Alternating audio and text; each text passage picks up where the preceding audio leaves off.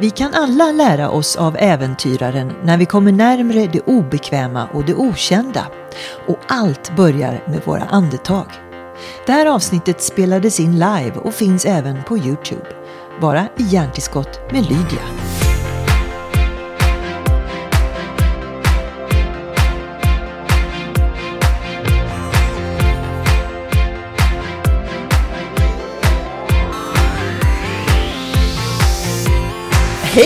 Vad kul att ni är här! Här sitter jag med äventyraren Anneli Pompe och ni kom precis in när vi pratade om din husbåt. Ja, precis. Eh, där du faktiskt berättar för mig att husbåten där den står nu, det den står på sommarstället. Precis, den har ett sommarställe och ett vinterställe. och det är 10 meter längre bort. 100 meter kanske. 100 meter. Ja, men det är som två olika världar. Jag måste också säga, med oss finns, ni ser inte honom här nu, men, men han heter Douglas och han ligger här nere på golvet. Och mm, är, han är lite morgontrött. Han är en spansk vattenhund. Ja, mm. Och allergi, allergihund har du sagt Ja, precis. Han fäller ingenting. Mm. mm. Du Anneli, jag tycker det är extremt roligt att du är här för att eh, jag tror att det vi ska prata om idag kan vi ha väldigt mycket nytta av både nu och framöver. Eh, och vi ska prata om eh, det som jag tycker naturligtvis är jättespännande. Det här med äventyr förresten. Det är klart det är spännande. Det är superspännande. det ju på ordet. Och vet du vad? Det är nämligen så att vi har ju då eh, eh, möjlighet för er där hemma att ställa frågor och svara på våra frågor som vi ställer till er. Och medan vi börjar småprata här nu Anneli så tänker jag att jag eh, skulle eh, ställa frågan till de som tittar om ni fortfarande drömmer om ett äventyr och då kan ni svara ja eller nej så ser vi bara vad vi har det här morgonpigga gänget. Ja men det var intressant. Mm. Anneli, du har sagt så här till mig. Jag tror att vi kan ta fram äventyraren i oss själva genom att närma oss det som är obekvämt. Precis. Och den meningen läste jag om och om och om och om igen. Mm. Och ju mer jag läser den, desto mer självklar är den. Ja, jag hoppas det. Jag, jag tror att människor ofta flyr från det som är obekvämt. Det är kanske det som är mest naturligt egentligen. Att så fort det känns lite obekvämt så äh, strunta i det där. Eller det där vill jag inte göra för det är läskigt. Det, det, den drivkraften är kanske egentligen starkare men om man vill utvecklas, om man vill att det ska hända någonting, om man vill bli starkare eller modigare eller något sånt där, då mm. måste man våga vara bekväm i det som är obekvämt.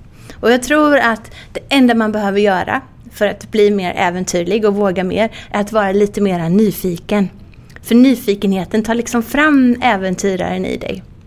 Vi har ju tvingats bli kanske gemene man eh, äventyrare i och med att vi inte gör saker på samma sätt längre. Precis, vi har kastats in i något som är okänt för oss och vi lever mer i ovisshet nu än vi gjorde innan, mm. kanske. Det gör vi ju alltid, men man kan ju se illusionen att vi tror vi vet vad som ska hända. Men du, var det det som var anledningen som eh, gjorde att du blev äventyrare? För att, att stretcha dina gränser och få vara obekväm? Det kan väl inte vara det som har varit parametern? Nej, egentligen? jag hade aldrig någon önskan om att bli äventyrare. Jag vet inte ens vad en äventyrare är det är oftast någonting man blir kallad så fort man bestiger ett berg. Men jag hade absolut ingen mål att bli äventyrare. Jag ville bestiga Mount Everest för att det var ett av de vackraste bergen jag någonsin sett. Mm. Och när jag upptäckte fridykning så ville jag se hur upp jag kunde dyka. Och det är ju en, drivkraften är, där är nyfikenhet och vad händer inuti mig. Jag har alltid haft en dragning till det psykologiska och filosofiska biten av äventyr. Jag tror det är lätt att bli filosofisk när man är ute på äventyr. Man ser de här enorma vidderna från en bergstopp och man förstår hur liten man är och vad är det som händer omkring mig, vad händer inuti mig när jag gör det här och vad händer inuti andra människor. Det har varit en, och är en jättestor drivkraft. Mm. Men det är kopplat med prestation också i ditt fall. Du har ju mm. rekord i både bergsklättring, fridykning och du har simmat under is. Ja just det, ja, det var ett eh, dumt äventyr. det får man också göra. De det, jag tycker det låter lite dumt faktiskt. Vad var grejen med det? Det var jo. också hålla andan antar jag under ja, precis. långa um, isblock. Jag höll på att träna inför Mount Everest. Jag hade satt världsrekord i fridykning och höll på att träna inför Everest. Och jag är ganska frusen av mig. Så jag funderade på hur ska jag öva på att hantera kyla på ett bra sätt. Och man blir bra på det man gör så man måste utsätta sig för kyla. Och då var det en kompis som föreslog, men ska du inte fridyka under is? Det är ju kallt. och så fick jag reda på först efteråt att han skämtade. Men jag bara, ja, det var en bra idé, det har jag inte gjort innan. Och det lät som en otrolig utmaning. Och så fick jag reda på att världsrekordet, det var bara 50 meter. Och tänkte att det är ju inte så svårt att bara simma 50 meter. Och där kom vi in på ett jättespännande ämne, nämligen motivation. Och jag kände mig inte så motiverad att bara göra 51 meter, för jag hade ju simmat 126 meter ner och upp igen vertikalt. Så då dök siffran 100 upp istället för 50. Eh, 100 är en väldigt speciell siffra Ja. och ingen hade och simma dubbelt så långt så det vore ju roligt. Så då försökte jag slå det här rekordet och det misslyckades totalt. Jag kom till 50 meter eller något sånt där. Så att, eh, men, det, det- var väldigt bra träning för Mount Everest. Ja, frysa. Mm. säger jag. Ja, det kan jag tänka mig. Att frysa. Men alla de här, eh, det här måste ha varit en påfrestande för, eh, påfrestande för dig psyk, eh, psyk, inte psykiskt men fysiskt för lungorna. För du har ju råkat illa ut också. Ja, men det var efteråt. Mm. Det var innan eh, isdyk och innan Everest. Ehm, eller vänta nu, nej det var efter Everest. Mm. Då var det, eftersom allting är kopplat med en prestation i ditt fall känns det som. Mm. Vad gör det med den att man hela tiden ska prestera? Eh, för även om man stretchar och, och är i det obekväma och, Mm. och växer i det så är det alltid kopplat till en prestation. Du ska alltid prestera någonting. Eller har jag Inte fel i det? nödvändigtvis. Vad bra Ehm, att jag, Ja, jag jag tror att annorlunda. i den här så... I att prestera max så ingår det lika mycket återhämtning. Mm. Du kan inte prestera max om du inte återhämtar dig. Så fridykning är ju en megaprestation som är helt beroende hur bra du är på att slappna av. Mm. När du slappnar av sparar du syre. Så fridykning är ingen extremsport, det är en lugn sport. Ju lugnare du är, ju djupare kan du dyka. Och det var det som var så häftigt personligen för mig att hitta i fridykningen. Jag har alltid haft väldigt mycket energi, överskottsenergi och driv och göra grejer, det ska hända snabbt. Men när jag hittade fridykningen så upptäckte jag tack vare den att det finns en plats inuti där det alltid är lugnt och stilla och det var som en fantastisk upptäckt. Igen, Som ett inre äventyr som man utsätts för när man fridyker. Och det hjälpte mig att dyka djupare. Men, men hela poängen med att dyka djupare det är ju att förr eller senare kommer någon och dyker ännu djupare. Precis, och det händer ju såklart. Det är ju det, är ju det så rekord är. Och vad är, vad är ditt rekord nu? Eh, Mitt är 126 meter Mm. i, vikt, i disciplinen variabel vikt. Och det har varit slaget. Och då försökte jag ta tillbaks det rekordet därför att när jag gjorde mitt världsrekord så kändes det inte lätt men det kändes som jag hade mer att ge. Men då så besegrade jag Mount Everest och massa andra berg innan jag försökte slå rekordet igen och det var inte så bra för lungorna. Så eh, jag svimmade ehm, när jag dök till 130 meter tre gånger. Ehm, Och detta är inte så länge sedan, bara ett par år sedan när du försökte slå det här. det var ett tag sedan nu, det var nog fem år sedan. Fem år sedan, tiden ja. går. Ja. Men du är där igen. Alltså jag frågade dig innan vi eh, startade här. Mm. Eh, har, har du eh, pausat dina, din rekordjakt nu eller är du på, på, på jakt? Nej, vet du flera? vad som hände? Jag var ju med i Mästarnas Mästare. Ja, jag vet. Ja. Och där fick jag sån oerhörd inspiration igen till att ta mig ner i djupet. Mm. Därför att det hände något speciellt på djupet. Och det hände något speciellt på resan dit. Och jag älskar det jag måste göra för att dyka djupt. Jag älskar att jag måste yoga och meditera och ta bort alla stressmoment i livet. Jag gillar den människa jag blir av att ha det målet. Mm. Och därför är inte mål alltid så viktigt utan processen är så mycket viktigare än vad det faktiskt leder till. Så då bestämde jag mig för att eh, dyka djupt igen. Och jag var på Bali för några månader sedan och tränade och eh, nu sitter jag här därför att jag egentligen borde varit på Honduras och tränat och tävlat och kanske satt ett nytt rekord. Och det går ju inte i Det dessa går tider. inte i dessa tider. Och det Allt har blev inställt. Det, men det är också mycket, hur ska man ta sig dit? När inte Ehm, flyget går eller Nej, något nej sånt precis. där. Nej, och allting är ju inställt. Och då hände det att jag var besviken i några timmar och sen insåg jag att det gör inte så mycket. Det kommer fler tävlingar och jag får uppleva den här fantastiska våren i Sverige istället och vara med Douglas. Istället för att vara bortrest från honom och alla vänner och familj. Så det gjorde inte så mycket. Men eh, även du måste väl hamna i situationer när du säger att det här är för obekvämt. Detta har jag svårt för att klara eller Absolut. rädslor och allt det där. För att eh, nu sitter jag med en äventyrare och det är ditt liksom, DNA att hela tiden utsätta sig för saker och ting. Men även du har väl dina svaga stunder? Ja, självklart. Jag är människa. Vad händer då? Mm, det beror på vad det är för situation. Om det till exempel är på ett berg där jag känner att nu litar jag inte på dem jag klättrar med. Jag litar inte på vädret. Det här känns inte bra. Och då är ju det en fantastisk varningssignal för att nu är det dags att vända. Mm. Och det, jag tror att många har en fördom om äventyrare att vi är risktagare och adrenalinkicksökare. Och det kan stämma på många men det stämmer absolut inte för mig. För jag tar inga onödiga risker.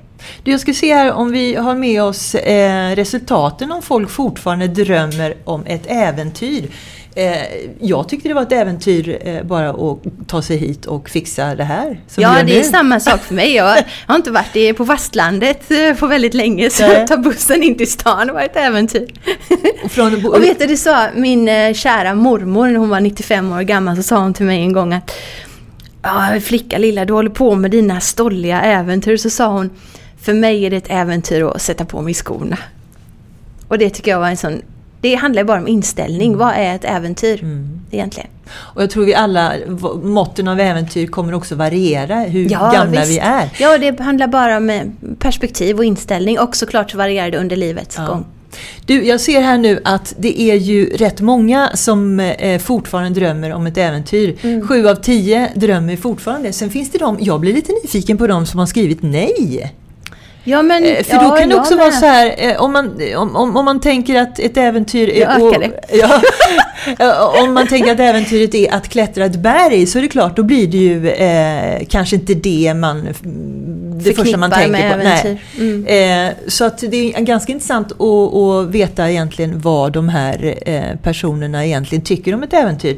Eh, äventyr kan ju vara annat också. Det kan vara i strävan om att man ska bli bättre på ett eller annat sätt som person. Mm, absolut. Personliga eh, utvecklingen. Personliga mm. utveckling. Och jag tänker vi ska fortsätta att fråga eh, vad skulle du helst vara mer av? För att drömma om ett äventyr handlar väl också om att man vill eh, släppa loss sin, eh, sitt inre jag till exempel. Eller sin, sin eh, naturkärlek till mm. exempel. Så den fråga som jag skulle vilja testa på publiken nu det är vad skulle du helst vara mer av? Och då har vi ett alternativ som är modigare, lugnare eller gladare. Och den frågan kommer från dig. Mm, jag tycker det är spännande att veta vad man... Det kan få en, någon att tänka till. Vad är det jag vill vara mer av i mitt liv? Mm. Eh, vad vill du själv vara någonstans? Oj. Jag har mycket mod och lugn och glädje redan. Faktiskt. Jag, just nu letar jag mer, jag vill hitta lite mer vardagsutmaningar. Då kom det en annan fråga här nu, eller det var den vi sa här ja, just det. Mm. Eh, känner du dig stressad kommer vi också prata om, inte riktigt nu kanske. Ja. Eh, jo, där kom den! Oj! Nu får vi, nu får vi alla frågorna här på en gång. Eh, här kommer så småningom, titta, folk vill bli gladare, det är klart. Lugnare, modigare. Ja, det finns en del eh, svajiga tankar här tänker jag. Modigare? Mm. Vad ser du i ordet mod? Mod är att göra någonting man är lite rädd för. Mm. Och mod är ju inget man behöver, man kan inte gå omkring och vara modig hela tiden utan ofta räcker det med att du är modig en sekund när du ska göra någonting mm. som är lite obekvämt eller lite läskigt. Att gå upp på en scen och prata? Precis. Folk dör ju hellre än att göra det. Ja, jag har också, läst den statistiken. Jag var likadan innan jag började föreläsa och var jättenervös. Mm. Men sen ju mer man gör någonting ju mer normalt blir det ju. Du, jag ser att den stapel som säger att man helst skulle vilja bli lugnare, den, den är inte så hög. Kan det ha att göra med att vi alla och hela samhället har blivit lugnare? Innan, när du kanske, kanske testade den frågan när du var ute och körde när tiderna var som vanligt, då var mm. väl stressfaktorn betydligt högre kan jag tänka mig? Precis, så kan det ha varit. Och att eh, lycka och mod eh, klassas högre än lugn, det tycker jag är intressant. Mm. Du, hur, eh, hur coachar du din, eh, hur blev du coachad av din pappa numera? Eh, det var min pappa som inspirerade mig till att börja dyka kan man säga. Jag växte upp med att han försvann under ytan och då verkar ju det normalt. så vi började fridyka tillsammans och började vi tävla lite grann och så kunde dyka djupare. Han dyker fortfarande, eh, fridyker fortfarande och det är inte så mycket djup längre, det handlar mer om upplevelsen. Så han filmar under vattnet och jag fotar under vattnet. Så när vi är ute och fridyker tillsammans så är det det vi gör. Mm. Hur länge kan man hålla på med det, Anli? Mm. man kan fridyka hur länge som helst. Men jag tänker på din 90-åriga mormor Ja, pappa där är som- ju 70 och han, det går ju alldeles utmärkt Ja. att fridyka. Men, men, men finns det någon fysiskt hinder för detta att eh, göra de här... Det eh, verkar inte så. Alltså hon som slog mitt världsrekord, hon var ju en bit över 50. mm. Så det fanns där, hon, ju, hon var ju bäst i många discipliner. Så fridykning igen, det handlar ju såklart om lungvolym och hur du tränar fysiskt men det, det är mer av en mental sport. Det handlar väldigt mycket om hur, du, hur lugn du lyckas vara, hur du kan i viss mån kontrollera dina tankar. Mm. Då kommer nästa fråga till Mm. publiken. Tror du att du kan kontrollera dina tankar? Vi vill ju nu veta av de som sitter och lyssnar. Det vill jag verkligen veta. Och det är också en sån här andlig Pompe-fråga. Ja, därför att jag vill veta vad människor tror. Om man kan kontrollera sina tankar. Eller dyker de bara upp helt spontant och påverkar dig? För vi påverkas ju så otroligt mycket av vad vi tänker. Det är det som bestämmer hur det känns att vara du. Den här inre kommentatorspåret som, som bedömer och kritiserar och hela tiden kommenterar vad du gör för någonting. Och det där var kanske inte så smart gjort. Jaha, nu hände det här. Vad tyckte du? Så att de, alla de små rösterna som vi hör inuti oss. Det jag vill veta är om publiken tror att de har kontroll över dem. Eller Och med kontroll menar du till exempel, nu tar jag ett extremt exempel, men när Mm. kompisarna övertalar en att man ska, man ska hoppa bungee jump till exempel. Mm. Att man ska ta kontroll över sin rädsla, menar du den typen av kontroll? Att kontrollera hur man känner? Ja, dels det. Mm. Men även i det lilla, liksom som att jag slår ner vattenglaset här. Och vad tänker jag om det? Hoppsan, eller din jäkla dumma idiot. Ja. Så allt det där påverkar ju vår självkänsla, hur vi mår, ja, men hur det känns att vara en själv. Jaha. Eh, spännande. Nu berättar ju också vad vi ser också till de som lyssnar och inte ser vår bild. Mm. Men eh, de som tror att de kan kontrollera sina tankar som tittar på oss nu, det är ungefär 45 procent tycker Ja, det var att de... ju bra gjort av... Det var väldigt bra Ja, gjort. Man tror ju man kan det. Ja. Eh, 36 procent tycker ibland, 18 säger nej, jag tror inte jag kan kontrollera mina tankar. Mm. Jag tycker oavsett svar här är det intressant. För de som svarar nej, eh, att de inte kan kontrollera sina tankar, vilka spännande människor det måste vara. Ja, som verkligen. bara är totalt beroende av allt annat. Mhm. Är det så här du tänker i de här svaren? Hur, hur tolkar Ja, du men detta? jag tror att det var ganska förväntat. Jag hade nog förväntat mig mera tredjedelar kanske. Mm. Och sen beror det på hur mycket man tänker till. Vad man tror är möjligt såklart. Men menar du att kontrollera sina tankar eh, styr ens självkänsla? Ja, jag tror att i vissa fall så är det väldigt bra att ha en plan för sina tankar. Framförallt när man ska göra någonting som är obekvämt.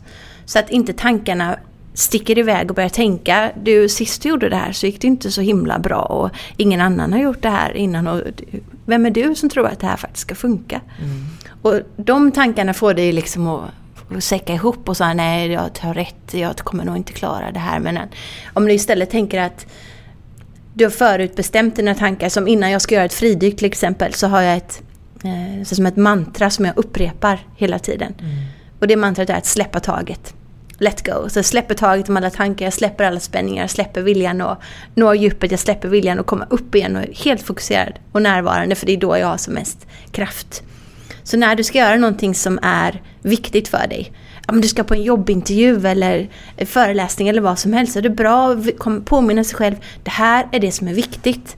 Så du inte börjar tänka på det som är oviktigt, för då tappar ju du fokus. Och tappar du fokus får du inte tillgång till din fulla potential och all din kraft som du sitter på.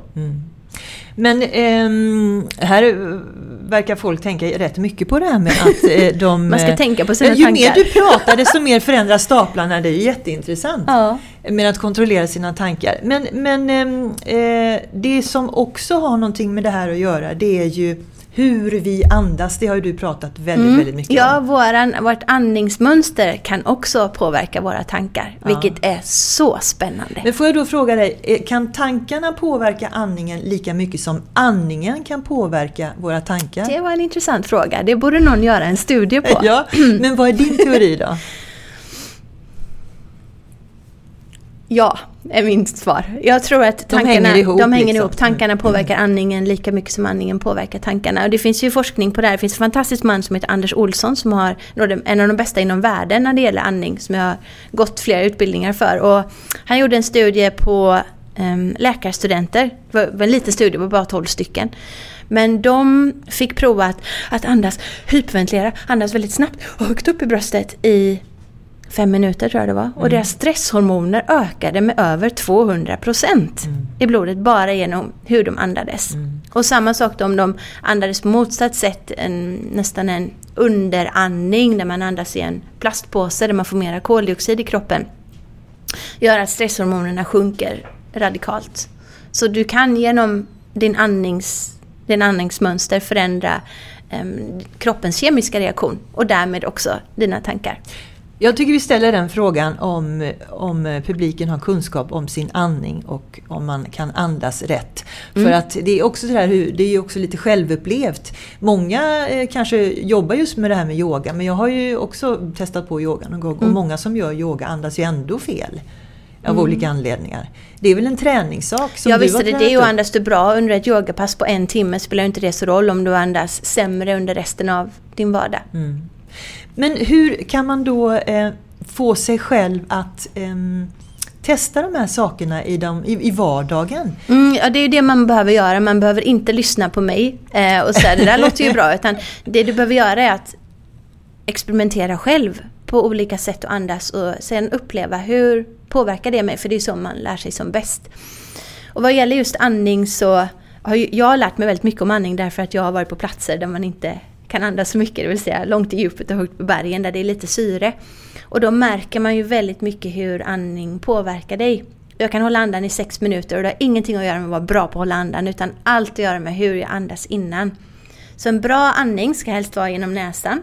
Ska vi göra någonting? Vi kan göra det? några okay. mm. bra. Mm. Nu, det som hände nu med din kropp var ja. jättespännande. Ja. För du rätar på dig. Ja, jag kände och det. Och det är en sån här automatisk, kroppen är så smart. Den vet precis vad den ska göra. För den vet att när du har en bra hållning när du är avslappnad i magen och dina axlar är lite lätt bakåt och din rygg är rak så kan du andas djupare. Jag tycker det är bättre att folk tittar på dig när det gäller hållningen. Jag sitter så här och klubbar. Ja, men jag jo, för att våra lungor är som störst längst ner. Mm. Så när vi kan andas djupare så behöver vi inte andas lika snabbt. Och då andas vi långsammare, lugnare, djupare andetag med en längre utandning. Och det får oss att bli lugnare inuti. Men det är ju det också, man, ska, man får inte glömma andas ut allt syre eh, lika mycket och som koldioxid, nej precis. Det, ja. det utandning, en förlängd utandning gör inandningen bättre. Som de flesta tänker att måste andas in så mycket, men det kan man strunta i, den löser sig ofta av sig självt. Men utandningen, att den blir lite längre, så löser sig oftast inandningen på djupet också. Och det gör man lite då och då under dagen tycker Helst du? Helst hela tiden. Men jag har hört man, folk som blir helt snurriga av att hålla på med sådana andövningar. Och... Ja, då, kan, då andas man nog för, för ytligt och för snabbt. Det kan skapa yrsel och det kan även skapa så här stickande olustkänslor i kroppen. Så det är därför man vill ha ner sitt, sin andningsfrekvens lite grann och framförallt få djupare andetag. Mm. Och det kan man ju behöva påminnas om um, ganska ofta. Och framförallt så handlar det då om hållning, vilket också har med vår stressnivå att göra. Många när de blir stressade drar in magen eller sjunker ihop så här och så åker axlarna upp och då kan man inte andas ut. Man kan känna redan att det blir lite jobbigt. Och jag vet framförallt för många kvinnor. Jag hade en kvinna efter ett, ett tyst retreat som jag och min kollega eh, Cecilia Duberg, vi gör tysta retreat där andning är en viktig del av, av träningen. Och hon kom fram till oss efteråt och så sa hon, vet ni vad? Jag har inte tagit ett djupt andetag på 20 år. Och då berättade hon att när hon var 14 så hade hon läst i en veckotidning att om man vill se smal ut, då ska man ju dra in magen. Och då kan man inte andas ut och så får man lätt lite sån här röst också. så eh, att slappna av i magen är jätteviktigt. Och det är ju en, en för vår stressnivå också, så är det lätt att man drar in magen. Men slappna av i magen, så det är lättare att andas djupare. Du, eh, det här med kunskapen eh, om andning. Så, eh, ja, alla tycker att de kan någonting om andning. Ja. Eh, de flesta vill gärna få tips, men många säger ju ja, det är klart jag vet hur man andas, jag lever ju. Ja, jag det, förstår dem också. Ja, det, så jag har andats man. hela livet, vadå, jag behöver inte det, får, det sker ju automatiskt. Mm. Men det är så att vårt andningsmönster har förändrats de mm. senaste 50 åren därför att stressnivån har ökat. Du, eh, när man eh, upplever sorg eller är med människor som har sorg så kan man ibland få höra att eh, att åh jag är så ledsen, jag glömmer att andas. Mm. Finns det någon sanning i det att man faktiskt rent musklerna glömmer bort att röra sig? Nej, trycker- det gör de inte. Musklerna kommer alltid se till att du får luft. Ehm, men sorg, det är ju det är en bevis egentligen på att inte bara tankar påverkar ditt andningsmönster utan även känslor. Och sorgen den är ju tung så det är klart den kan ju sätta sig i bröstet och att du nästan glömmer bort att andas in. Och det är, en, det, är det som kallas för eh, underandning, att du helt enkelt andas för lite. Och det kan också framkalla suckar, Mm. vilket också har med sorg att göra. För en suck drar vi ju när vi behöver mera syre och så andas vi ut och så sjunker ihop lite igen och så dröjer det ett tag innan man andas in och då kanske man håller andan lite eller glömmer att andas. Det känns som man glömmer att andas. Men eh, när man eh, följer alla de här eh, tipsen om andning och eh, man känner att man kanske har sina egna små äventyr på det man själv eh, någonstans vill testa i, i sådana här tider. Finns det någon, någon gräns för hur mycket man kan göra innan man eh, liksom blir skadad av det?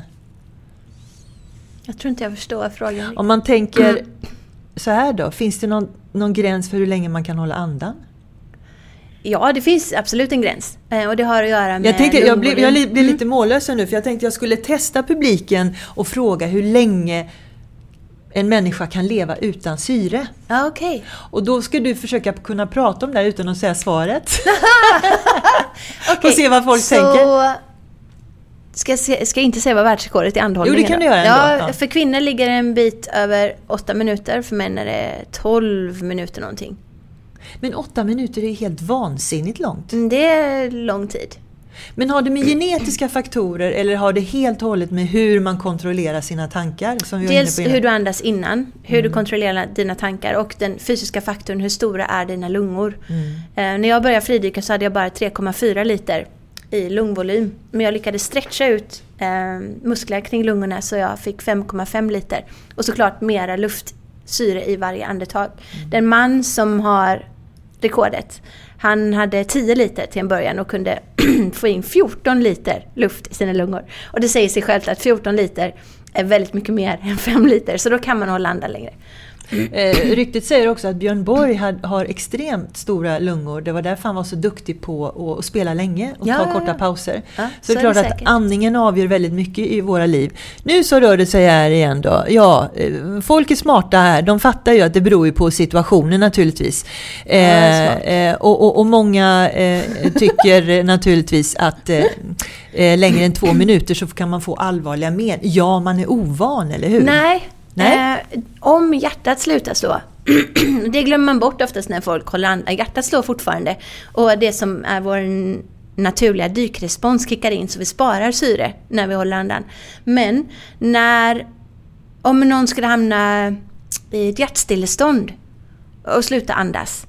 Då får du allvarliga hjärnskador och jag tror det efter fyra minuter så är du död. Mm. Och det är nog det man har hört någonstans. Ja, man dör om man inte andas på fyra minuter. Bara om hjärtat slutar slå. Mm. Men det finns ju fall där folk har hamnat i väldigt kallt vatten och svimmat av men fortsatt hålla andan. För att hjärtat håller igång. Alltså kroppens överlevnadsvilja Ja, är är fantastisk. Och sen så finns det sån här Guinness världsrekord. Det är säkert någon som har hört att man kan hålla andan 20 minuter. Mm. Och det kan man. Eh, om man andas syrgas innan. Det är helt otroligt. Mm. Snart har vi väl gälar och så löser vi det på det, Det sättet. härligt. Det skulle du bli glad över. Det skulle jag jättegärna vilja testa. Eh, Anneli, jag har läst några av dina krönikor. Du skriver ju rätt mycket om dina erfarenheter. Och återigen, allt det du skriver kan man applicera på, på sitt vardagsliv eh, på många olika sätt. Du, Ja, men tack för att du ser det. Det är det som är meningen. Ja, det är det som är meningen. Ja. Eh, du skriver så här att när man ska klättra, klättra behöver man mycket positiv energi. Mm. Och det är klart, jag fattar att när man ska göra en sån prestation. Men om man kopplar det till prestationer vi annars gör. Hur, hur kan man samla positiv energi, energi innan? Eh, vissa kan ju ladda på olika sätt, men Mm. menar du något på något särskilt, eh, har du något särskilt knep för oss icke-äventyrare? Ja, absolut. absolut bästa sättet att ha positiv energi är att omge sig med positiva människor som ger positiv energi. Mm, det är För så, vi är ju sociala djur. Så det är det som påverkar oss allra mest, tror jag, människorna man har omkring sig. Och Men det är väl otroligt jobbigt att göra den urgallringen i sin omgivning? Att liksom inte... Ja visst är det vilja det. ha och de sen som kan du tar energi. kanske eh, välja vilka du påverkas av. Du kan ju lyssna på en människa och bestämma dig för att jag tror inte på den här människan säger. Du kan också bestämma dig för att du inte tror på vad du själv tänker. Tankar är ju bara förslag och samma sak med vad andra människor säger. Det är inget som kanske gäller dig. Säger mer om dem än vad det gör om, om det är dig. när du För det är säger- ju så, man råkar ju, även när jag klättrar så råkar jag ut för mindre positiva personer ibland. Och då väljer jag ju, jag har ett medvetet val att jag ska inte låta den här personen påverka mig. Det är roligt när du säger tankar, ens egna tankar är bara förslag. Mm. Ja, det är mycket Det av det vi tänker är ju inte sant. Nej, Och det är, det är som sant. en av mina största idoler, eh, Björn Natthiko Lindeblad. Han brukar säga tro inte på allt du tänker. Och det är en av de största krafterna i mental träning, i meditation, i yoga. Att ha den distinktionen att jag hör vad jag tänker men jag kan välja om jag vill tro på det eller inte. Mm. Så var med människor du får energi av och som Precis. du blir glad av eller Ja. positiv av. Och Ja, gör det- saker du blir glad av, lyssna på musik. Det är ganska lätt egentligen om man, man vet vad man ska göra för att må bra. Man ska röra på sig, man ska äta bra mat, man ska vara ute i naturen och umgås med, med härliga människor. Med nära och kära. Mm. Med härliga människor får man Ja. säga, det är bättre. Eller Eh, lyssna på dem. eller lyssna Eller på. lyssna på glad musik. Och Mm. Det finns mycket man kan göra. Det är tydligen väldigt viktigt vad man matar sin hjärna med. Det har ju du sagt tidigare, det här Mm. med att eh, eh, man inte alltid eh, gör det rätta för sig själv för att man måste. Och det är många som är i den situationen. Mm. Att man gör saker som man måste och därmed också matar kanske sig själv med lite fel saker. Absolut. Det är väldigt svårt att komma ur det. Ja, och det är överlevnadsstrategier som vi har skapat någonstans längs vägen för vi vill undvika att bli sårade eller må dåligt så väljer man istället för att bläddra igenom Instagram eller titta på Netflix istället för att göra någonting som är lite mer eh, konstruktivt. Mm. Eh, du, jag tänker... Eh, här kommer en massa frågor här nu. Från eh, eh, en tittare som säger... Eh, det är Maria som säger att för att ändra ett beteende behövs cirka 21 dagar att få in det ändrade beteendet. Mm. Vad är det viktigaste att förändra varje dag om man vill få bättre andningsmasker? Det var intressant. Andningsmasker. Bättre andning kanske hon menar? Andningsmönster kanske Mönster kanske här- det är, Ja. ja. Jag har ett tips om en app som jag själv använde när jag märkte att min andning var inte så himla bra. Eh, för jag var oftast, jag har haft, du vet, jag älskar att ha mycket att göra. Så då var det ofta så här att jag höll in magen och andades ganska högt upp och så märkte jag det och så gisses, jag ska ju, det här är ju, så här kan jag inte ha det. Och då hittade jag en app som heter Mindfulness Bell. Så man kan ställa in att den ringer med ojämna mellanrum under dagen. Varje gång den ringde, så här, ding lät det. Och så slappnade jag av i magen. Och så hittade jag ett djupt andetag igen. Så man behöver påminnelse ofta när man ska få in en ny vana, som andningen. Och har man då något annat ljud i sin omgivning kan man använda det. Om det är en sms-signal eller om det är varje gång en fågel kvittrar så ska jag tänka på min andning. Det är väldigt bra tips. Mm. Så hållning och mage och så näsan gör all skillnad. Eh, När du har eh, inte kommit ut och rest nu, har Mm. du upp, då bör- känns det som du väldigt mycket bilder från Öckerö och, och trakten runt omkring dig som är otroligt vacker. Det är otroligt vackert. Jag har ju haft förmånen att få resa jättemycket. Jag har varit på alla sju kontinenter. Och jag tycker fortfarande att Göteborgs norra skärgård är den vackraste platsen i hela världen. Men hade du, be- behövde du resa för att göra den re- jämförelsen? ja, det tror jag. Och jag behövde, som ung, alltså jag har varit otroligt rastlös. Och nu har jag hittat hem, inte bara hemplats men också hem inuti mig själv. Så jag behöver, mitt ego behöver liksom inte uppleva så mycket mer, jag behöver inte ha fler rekord, det är annat som är viktigare, vilket kanske sker naturligt med ålder. Eh, Men också hitta det som känns som hem, en plats där, där jag inte tröttnar på det. Jag kan komma ut liksom och ha ett nybörjarsinne varje gång jag går ut i naturen. Så, åh, vad vackert det här det är helt otroligt. Och naturen är, alltså, den är så helande och så läkande, det är där vi återhämtar oss som bäst. Och det är också ett tips man behöver ha med sig i dessa tider tror jag. Gå ut i naturen och därmed också sagt att inte slita på naturen. Att man tar med sig skräp och sånt där man hittar på vägen. Du passar på att ha massa projekt nu när du är hemma, förstår Mm. jag. Eh, städa kusten, eh, ta bort plastpåsar och så vidare. Är det, är, det, är, det, är det din egen vision eller är du samarbetar med något gäng? Jag samarbetar med Håll Sverige Rent som är ett jättebra initiativ och väldigt duktiga på att um, jobba med att plocka upp plast. Och sen så jobbar jag med ett gäng dykare på Hönö eh, som heter Divers Against Ghostnet. Så vi brukar dyka för att plocka upp spöknät som ligger på havets botten. Så vi rengör både ovanpå och under ytan. Det, vi, se, vi ser ju bara ungefär, jag tror det är 10 eller 15 procent av den plast som finns. Mm. Resten ligger ju på botten av havet mm. och det behöver vi också jobba med att ta upp. Det det, det, känns, ja, men jag tror att det är här, när man har så mycket tid nu, försöker hitta någonting som känns meningsfullt, något sätt att ge tillbaks, något sätt att eh, bidra eller förändra. Det, det tror jag är viktigt. Det är väl det enda som egentligen är lite sorgligt med västkusten, att den får så mycket av Atlantens mm, eh, verkligen. andra typer av statistiken äventyr. Statistiken är på fem badkar fulla med plast varje timme som mm. spolar i land och det är ju helt galet. Du säger också att eh, man måste veta när man ska göra mer än man behöver. Hmm. Eh, och den, den, den var väldigt, Man måste veta. Var, ja, när, man ska, när ska man göra mer än man behöver? När ska man göra mer än man behöver? Har du själv eh, ställt frågan och sen har du varit duktig på att svara på det. Att bestämma sig vad man vill vara bra på och så vidare. Mm. Eh, alltså jag känner igen den här meningen, när ska man göra mer än man behöver? För ibland tänker man så här, Ja, man bör göra det minsta möjliga. Ja, jag gör så mm. det blir okej. Okay. Mm. Jag behöver inte göra, alltså, jag behöver inte göra mer än okej. Okay. Ja, och när man gör det, om man då känner att det skaver lite inombords, så känns inte riktigt okej. Okay. Alltså jag tror att um, istället för att ha, nu kanske det är svårt att ha mål och drömmar. För man vet inte riktigt hur framtiden ser ut, men då kan man istället mäta att ha hängivenhet som ett mål i sig. Att du är hängiven det du gör. Mm. För då kommer du, oavsett hur oavsett litet, hur eller litet hur det är. Mm. Precis. Att ge sig hän till det lilla gör ju också att man eh, behåller ett slags momentum antar jag. Precis, och att du är mer närvarande i det du gör. Mm. För det är det det betyder att ge sig fullständigt hän och vara engagerad i det du gör. Det betyder också att dina tankar inte ligger i framtiden och är orolig eller ältar det förflutna. Mm. Det finns ju många saker som stressar människor nu under de här tiderna. Det är mm. inte bara ekonomi och, och, så utan det är också andra lite mer knäppa saker som eh, fear of missing out, FOMO. Mm. Alla dessa som tycker det är jättejobbigt nu när man inte är liksom där man ska vara. Precis. vi pratar om sociala medier och så vidare. Eh, och en kombination med att folk, eh, FOPO som du också pratar om, eh, fear of other people's opinions. Mm. Vad har hänt med de här begreppen nu i dessa tider? Oj, jag vet inte. Det borde vi ställt en fråga om. Ja.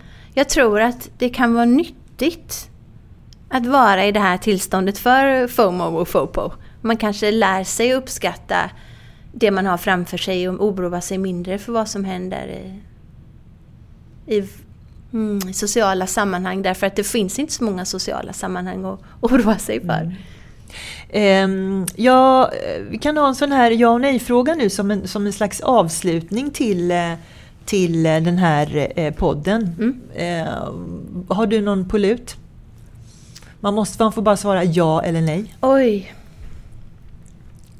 Vi har haft så många bra redan. Kanske någonting som har med din vision att göra. Alltså vad, vad kommer härnäst för Andlig Pompe?